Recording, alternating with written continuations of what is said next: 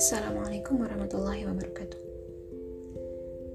Kehadiran corona mengajarkan kita akan banyak hal tentang singkatnya waktu, eksistensi ketetapan Allah, dan salah satunya adalah tentang berharganya nikmat sehat. Teman-teman dalam hidup kita ini, dari mulai kita balik hingga sekarang, berapa kali kita pernah mengucap Alhamdulillah atas nikmat sehat yang Allah berikan? Berapa kali kita pernah merasakan kehadiran nikmat sehat yang Allah berikan? Rasulullah Shallallahu Alaihi Wasallam pernah bersabda, "Ni'matani ma'bunun fihi katsirun minan nas, as-sihhatu wal faragh." Ada dua kenikmatan yang banyak manusia tertipu, yaitu nikmat sehat dan waktu senggang. Hadis riwayat Bukhari. Teman-teman pernah lihat keadaan ruang ICU di rumah sakit rujukan COVID-19 di Indonesia? Pernah nggak dengar cerita tentang susahnya untuk dapat satu ranjang di ICU untuk perawatan COVID-19? Menghargai dan bersyukur adalah salah dua hal yang sering kali kita lupakan. Bukan lupa karena tidak tahu bagaimana tata caranya, melainkan lupa untuk menanamkan pada diri kita bahwa kita ini harus bersyukur. Lupa akan hal-hal yang sudah Allah berikan untuk kita, lupa akan nikmat melimpah yang sudah Allah berikan untuk kita. Semua itu nggak kita sadari keberadaannya.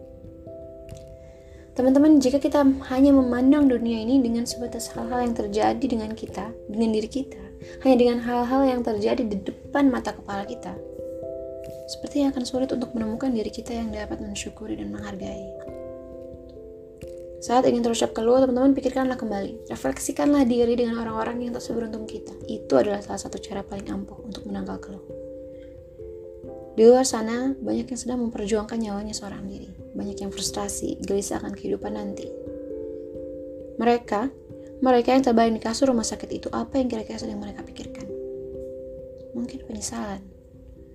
Penyesalan akan hidupnya yang sehat dulu tidak pernah dinikmati, selalu merasa kurang. Karena minimnya rasa syukur. Teman-teman, waktu sehat adalah waktu yang harusnya kita maksimalkan untuk berdekat diri dengan Allah Subhanahu wa taala. Seharusnya jadi waktu yang paling nyaman untuk beribadah kepada Allah, untuk selalu memohon ampunan kepadanya. Untuk teman-teman sehat yang sedang mendengarkan, Teman-teman yang Allah titipkan nikmat sehat saat ini, pasanglah dalam diri kita sebuah precaution seperti ini. Bisa saja suatu hari nanti Allah Subhanahu wa taala ambil nikmat sehat kita dalam jangka waktu yang lama.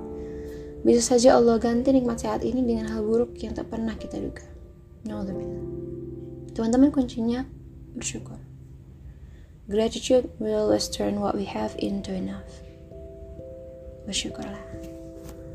Wassalamualaikum warahmatullahi wabarakatuh.